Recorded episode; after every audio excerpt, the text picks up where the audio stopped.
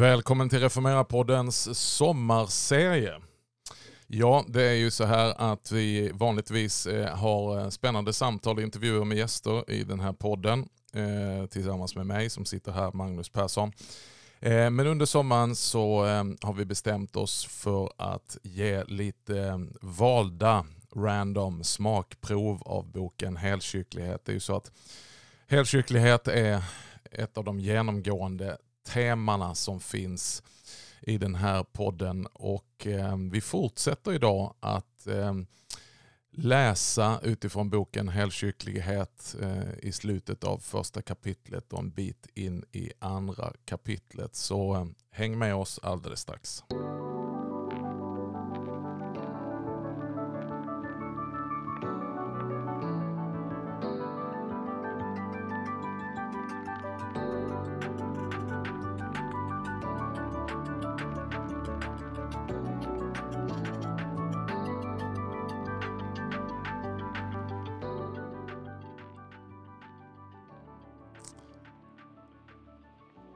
Allt tillhör oss.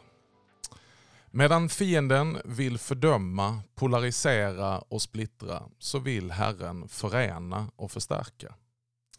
Jesus har sagt vad Gud har fogat samman får människan inte skilja åt. Matteus 19, vers 4-6. Är det så att vi försöker sära på vad Gud har fogat samman? Saknar vi idag en helkyrklig vision som rymmer både nytt och gammalt. Jesus säger, därför är varje skriftlärd som har blivit en himmelrikets lärjunge som en husbonde som ur sitt förråd hämtar fram både nytt och gammalt. Matteus 13.52. Återigen, det handlar alltså inte om antingen eller utan om både och.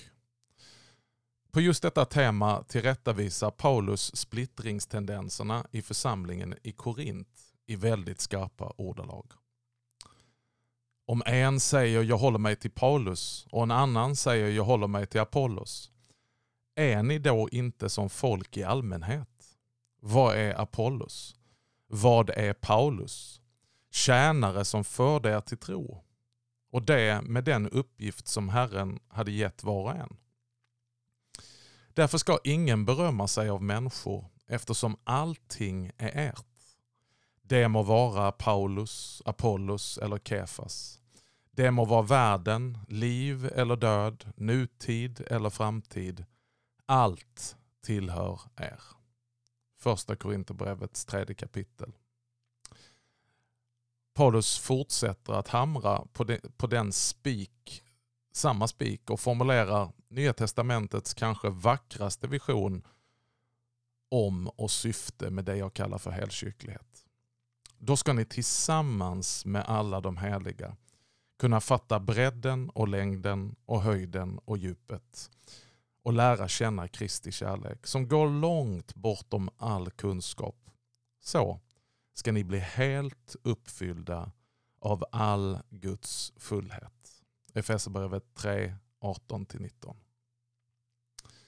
Jag har själv ännu inte funnit en tradition eller samfundsetikett som ensam rymmer och gestaltar den fulla rikedom som hela Kristi kyrka förvaltar och som jag är viss om att Gud önskar att alla hans barn ska få ta del av. Jag är i grunden pingstvän och jag är tacksam för allt vad det har berikat mig med. Men det blev för smalt och kunde emellanåt kännas väl enkelspårigt. Och det rymmer inte hela denna fullhet. Jag behöver även de gamla ökenfädernas och klosterrörelsens frumhet och rytm för livet. Som kan bevara oss från konsumismen, och materialismen och utbrändheten. Jag är fascinerad av, av den ortodoxa kyrkans spiritualitet och skönhet och har berikats av dess bönetradition. Jag är djupt präglad av Luther och tjänar som präst i en evangelisk-luthersk kyrka. Men den älskade Luther kallade aldrig sig själv för lutheran. Han var snarast en evangeliskt reformerad katolik. Och jag behöver den katolska grunden och traditionen, ordningen och rymligheten. Jag är också djupt berörd av Calvins och de reformärtas passion för Guds ära, suveränitet och härlighet. Jag är tacksam för Charles Spurgeons starka evangelieförkunnelse och själavinnarfokus. Jag är inspirerad av Wesley och metodismens modell för hur de initialt startade nya grupper inom ramen för den engelska kyrkan. Jag är djupt berörd av William Booth och Frälsningsarméns vision om soup, soap and salvation. Och jag är enormt attraherad av den anglikanska kyrkans förmåga att vara både sakramental och karismatisk, katolsk och evangelisk, traditionell och missionell samtidigt. Ja, jag har blivit berikad av både Hillsong, Taizé och New Monasticism, mystiker och missionspionjärer, väckelseevangelister och anabaptistiska aktivister. Jag tillhör nog den växande skara som bland somliga konservativa betraktas som alldeles för liberal i vissa frågor. Medan jag i andra frågor, bland de som betraktar sig som mer liberala, framstår som alltför konservativ. Jag längtar efter mer av både höjd och djup, bredd och längd. Jag välkomnar både radikalitet och relevans. Kyrkan behöver vara både missionell och diakonal med evangeliskt fokus på själavinnande såväl som pastoralt fokus på själavård. Vi behöver både struktur och spontanitet, regelbundenhet och flexibilitet. Fasta former men med utrymme för frihet. Jag är övertygad om att vi kan bejaka både kontemplation och aktion, retriter och offensiver. Vi behöver både söka heligheten och odla hängivenheten. Vi ska predika både Guds lag och Guds evangelium, tro och gärningar. Vi behöver ordet, men det levande ordet som leder till både handling och förvandling. Vi får vara både akademiska och karismatiska, spirituella och intellektuella. Vi behöver både profeter och apologeter. En kristendom som tar i anspråk både huvud, hjärta och händer. I Guds rike finns ingen konflikt mellan dogmatik och praktik. Låt oss därför inte skapa motsättningar mellan lära och liv, mellan kunskap och kraft. Vi behöver en kristendom som talar sant om livet och trovärdigt vittnar om både lidande och helande, hänförelse och förföljelse. Låt oss frimodigt betona både förlåtelsens fullbordade faktum och förvandlingens stegvisa process. Vi kan kombinera historisk allmänkyrklig liturgi med modern lovsång och vi behöver inte välja mellan tidebön och tungotal. Vi får stilla knäppa våra händer i bön, lyfta våra händer i tillbedjan och sträcka ut dessa samma händer i tjänst för de behövande, sargade och sårade. Vi får tjäna med både ord och handling, proklamera Guds ord och demonstrera Guds kärlek och Guds kraft. Vi kan vårda våra rötter från forntidens kyrka samtidigt som vi välkomnar visioner för framtidens kyrka. I kyrkan ryms både det tidlösa och det tillfälliga. Det gudomliga och det mänskliga. Det himmelska och det jordiska. Korset är vårt segertecken. Där försonas Gud och människa, himmel och jord. Det vertikala och horisontella perspektivet. Kristi kors är vårt centrum. Där förenas dåtid, nutid och framtid. Öst och väst. Högkyrklighet och lågkyrklighet. Folkkyrklighet och frikyrklighet. Låt oss återerövra det lilla men goda ordet och Låt oss slopa etiketterna och proklamera tillsammans med Paulus allt tillhör oss. Och låt oss stämma in i kyrkans historiska trosbekännelse som ljudit i kyrkan genom alla tider. Vi tror på en enda helig, allmännelig och apostolisk kyrka. Det är vad jag kallar för helkyrklighet.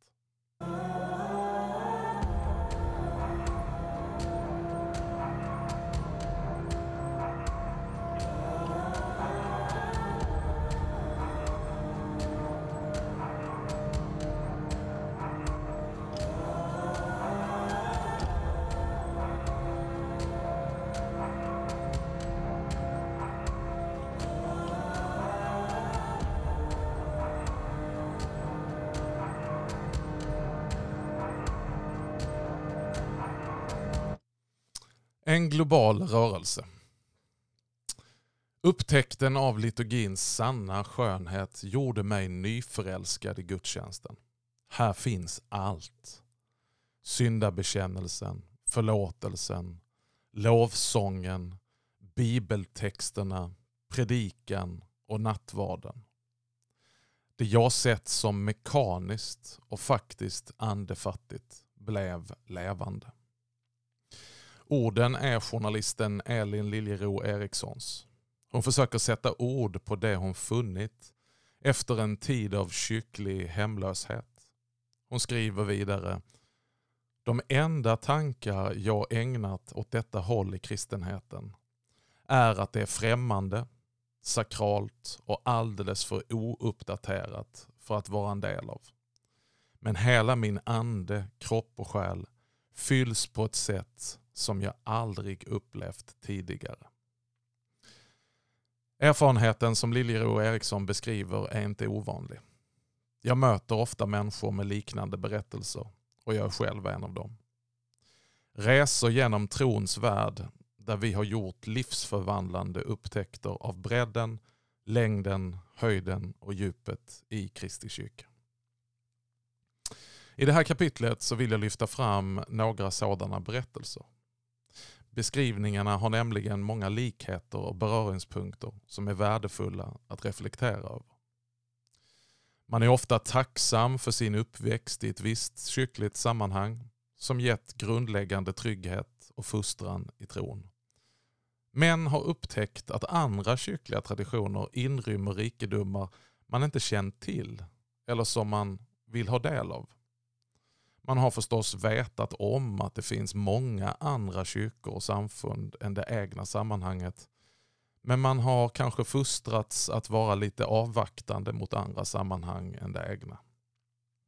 Istället för att uppmuntras att lära av andra syskon i tron har en rädsla för att bli förledd eller till och med avfalla från tron blivit en del av förhållningssättet till andra traditioner.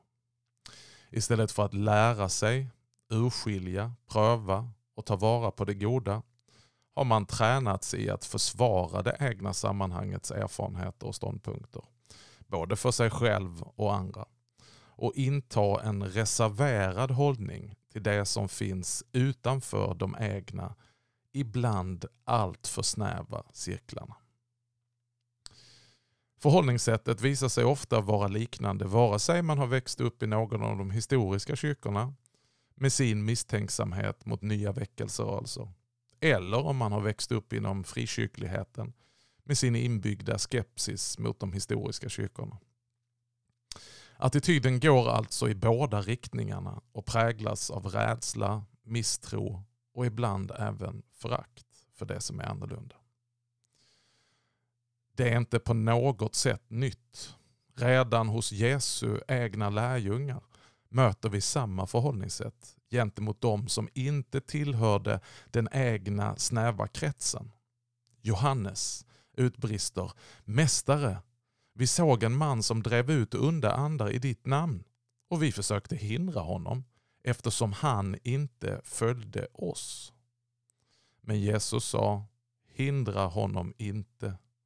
Ingen som gör en kraftgärning i mitt namn kan sedan genast tala illa om mig. Den som inte är mot oss är för oss. Markus evangeliet 9, 38-40. När misstänksamheten mot andra kyrkor och sammanhang är rådande riskerar vår tillvaro att bli förkrympt. Vår teologi blir enkelspårig. Världsbilden snäv.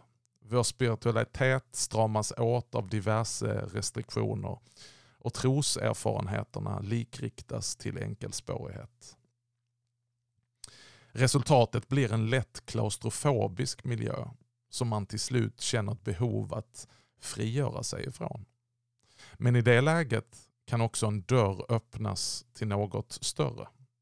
En stor och rymlig katedral, den världsvida, heliga, apostoliska och allmänneliga Kristi kyrka. Förutom min personliga erfarenhet av att upptäcka en större kyrklig värld skulle jag kunna fylla resten av den här boken med många liknande vittnesbörd. Dessa berättelser är inte enkelriktade. De går i flera riktningar. Men de har det gemensamt att man söker en helhet som man upplever att man saknar. Det innebär inte nödvändigtvis att man föraktar varifrån man kommer eller förkastar vad man har fått med sig från sin egen tradition. Det handlar inte primärt om rätt eller fel, bra eller dåligt. Utan snarare om att det man hittills har erfarit inte längre räcker. Man vill inte främst lämna något utan man vill få del av saker som fattas.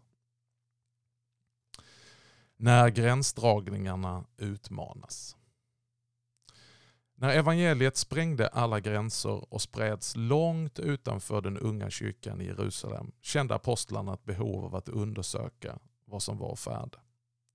Evangeliets spridning var ju inte ett resultat av en planerad strategi från huvudkontoret utan i allra högsta grad ett spontant skeende genom den helige Ande.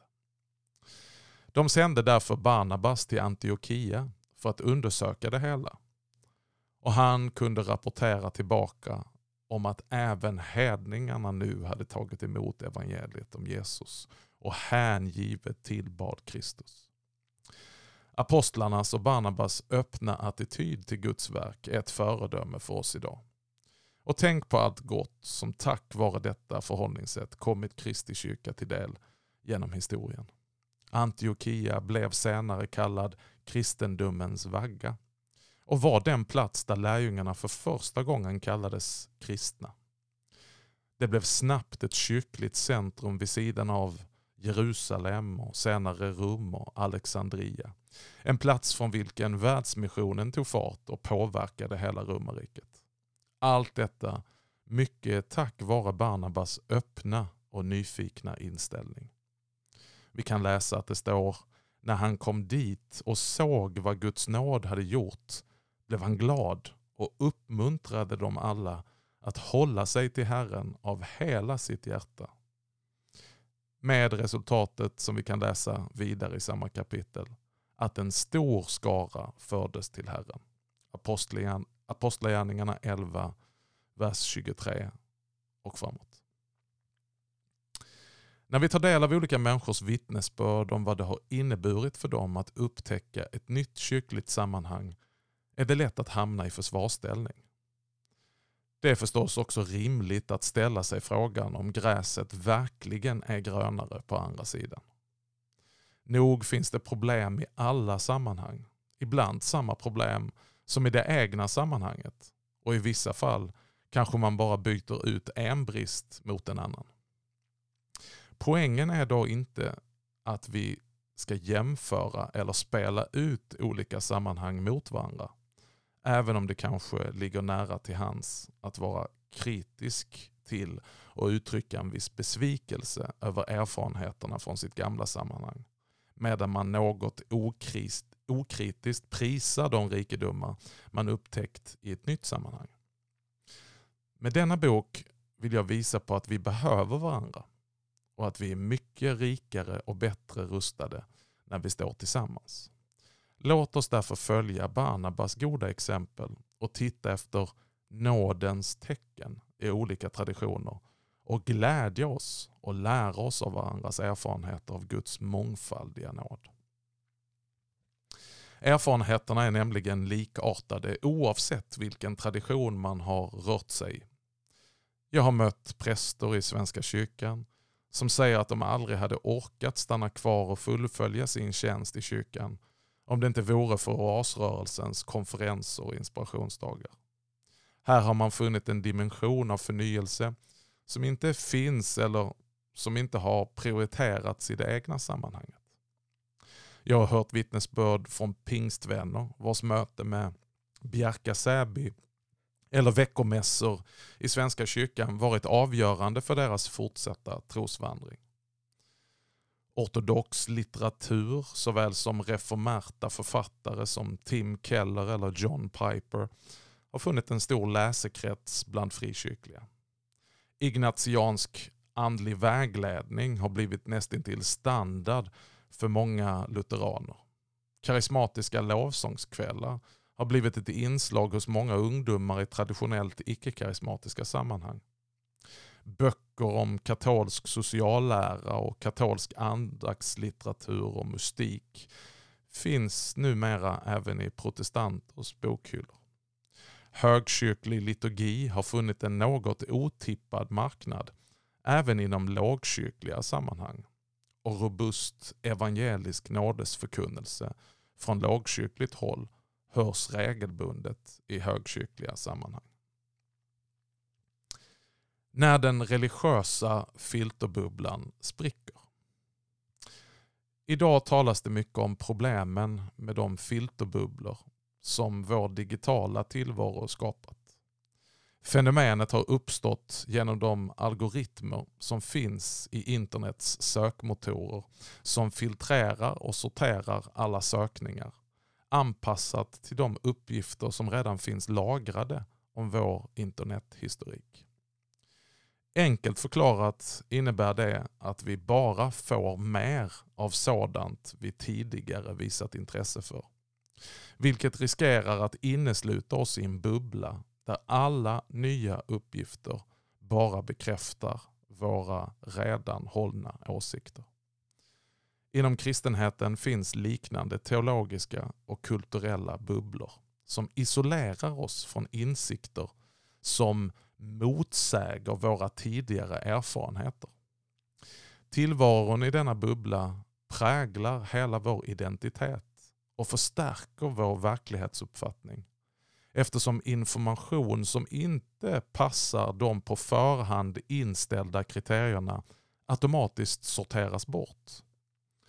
Det är först när dessa insikter finner vägar att tränga in i den tillslutna tillvaron som bubblan spricker och en större värld öppnar sig. Detta kan ofta vara en skrämmande och smärtsam men samtidigt befriande upplevelse.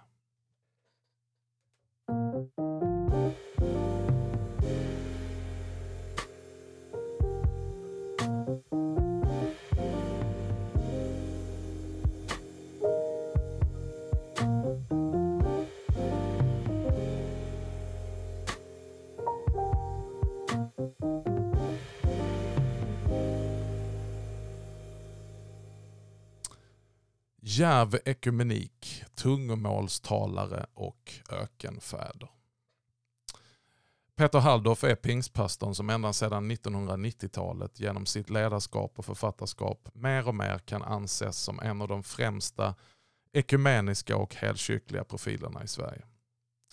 En gärning som har belönats både med kungens medalj i åttonde storleken i högblått band, med motiveringen för framstående insatser inom ekumeniken och en hedersdoktorstitel vid teologiska fakulteten vid Lunds universitet med motiveringen genom sitt redaktörskap, sin stora bokproduktion men också sin omfattande föredragsverksamhet har Halldorf haft ett stort genomslag i svensk kristenhet och väsentligt ökat olika kristna gruppers förståelse för varandra. Flera av Halldors böcker har haft stor betydelse för mig personligen. Kanske framförallt Jungfrumark från 1993. eller Hädanefter blev vägen väglös från 1997.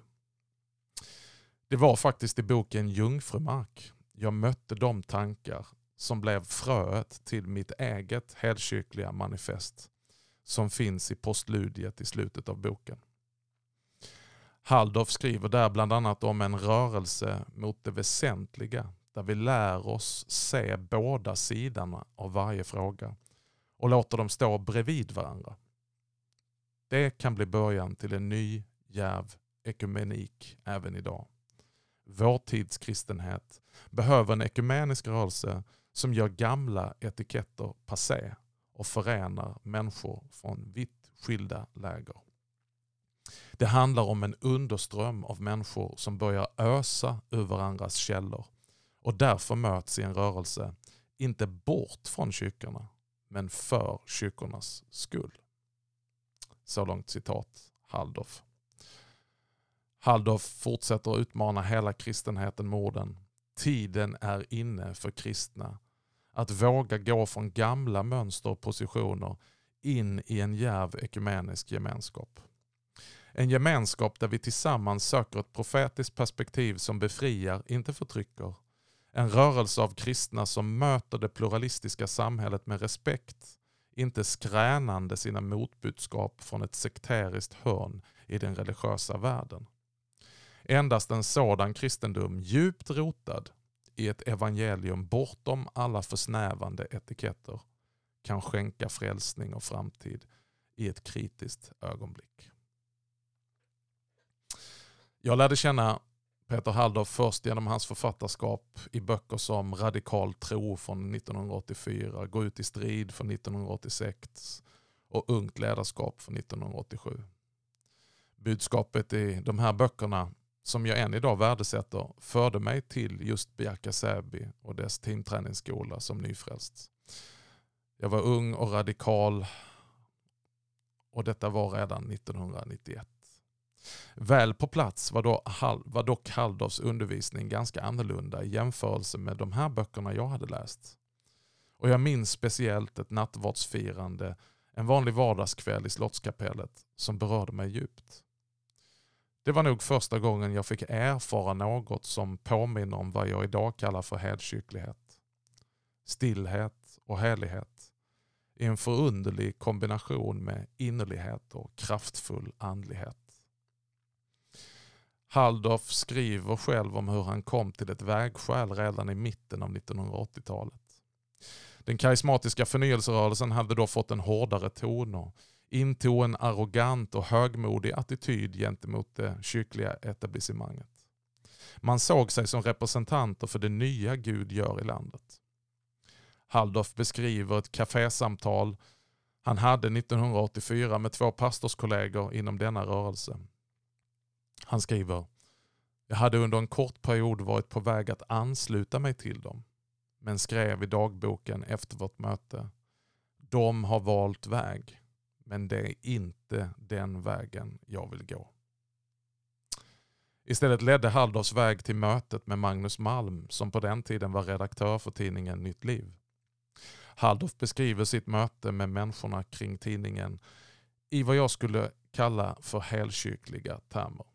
Han skriver Här lärde jag känna människor som själva berörts av den karismatiska väckelsen men på samma gång hade ett sant katolskt sätt att se på kyrkan. Jag mötte en tro djupt rotad i Bibeln och andlig erfarenhet och samtidigt radikalt utmanande i sitt sätt att gestalta en kristen livsstil på vitt skilda områden i samhället. Jag fann hur kristna från mycket blandade kyrkliga bakgrunder, människor med både centrum och kärna, kunde respektera och lära av varandra i en anda av ömsesidig, ömsesidigt underordnande. Det är inte konstigt att Halldorfs resa väcker genklang hos mig. Vi kommer ur samma tradition och har gjort en liknande resa genom kyrkans värld. Hans beskrivningar har gett mig både tröst och mod, visdom och vägledning.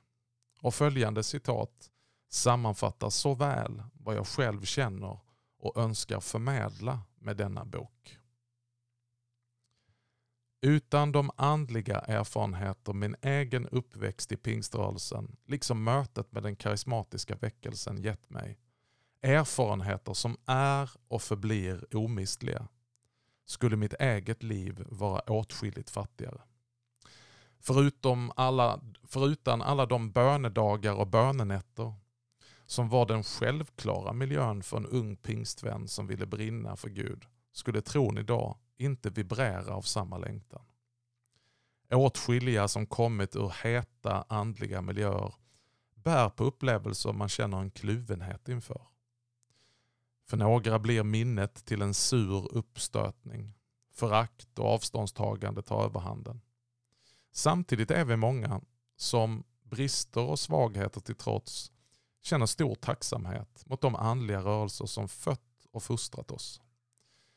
Den som i ljuset av historien och den större kristna traditionen får hjälp att sortera och urskilja kan i regel pröva, behålla det goda och lämna det mindre välgrundade. Det ligger i sakens natur att en väckelserörelse präglas av en iver och hänfördhet som ibland får de som sitter på åskådarplats att plocka fram sektstämpeln. Het och glödande, som en nyväckt vulkan drabbar den sin omvärld. Oförskräckt ungdomlig entusiasm och djärv erövraranda har alltid kännetecknat reformrörelser i kyrkans historia. Det mesta är bättre än den lugna likgiltigheten som blir allt svårare att skilja från resignation. Så länge lyhördheten finns är i regel ingen större fara och färd. Låter man sig bara korrigeras av kyrkans samlade erfarenhet kan svagheter och överdrifter med tiden rättas till med följd att kristenheten befruktas av väckelsen i större skara. Allvarligare är när förnyelsen leder till ett brott i traditionen och dess företrädare blir onåbara i övertygelsen om sin egen historiska roll. Exemplen är redan allt för många på väckelserörelser som så till den grad uppfattat sig som Guds utvalda och apostlarnas arvtagare att de har försummat att lyssna till den kyrka som förvaltat arvet från urförsamlingens dagar fram till den egna tiden. Trots sin ursprungliga glöd och uppriktighet har sådana rörelser med tiden blivit parenteser i kristenhetens utmarker. Så långt citat Peter Hallof. Ja, det var ett smakprov från boken Helkycklighet eh, i vår sommarserie här under semestertiden. Ehm, vi har nu hunnit titta lite kort på stycken ifrån första kapitlet och andra kapitlet. Och vi går vidare under några avsnitt till här under sommaren där du ska få lite enkel sommarlyssning och få lite smakprov från boken och budskapet Helkycklighet. Tack för att du har varit med oss idag i Reformera-podden och välkommen tillbaka till ytterligare ett smakprov nästa fredag. Tills dess, Guds rika välsignelse Njut ledigheten, vilan och sommaren.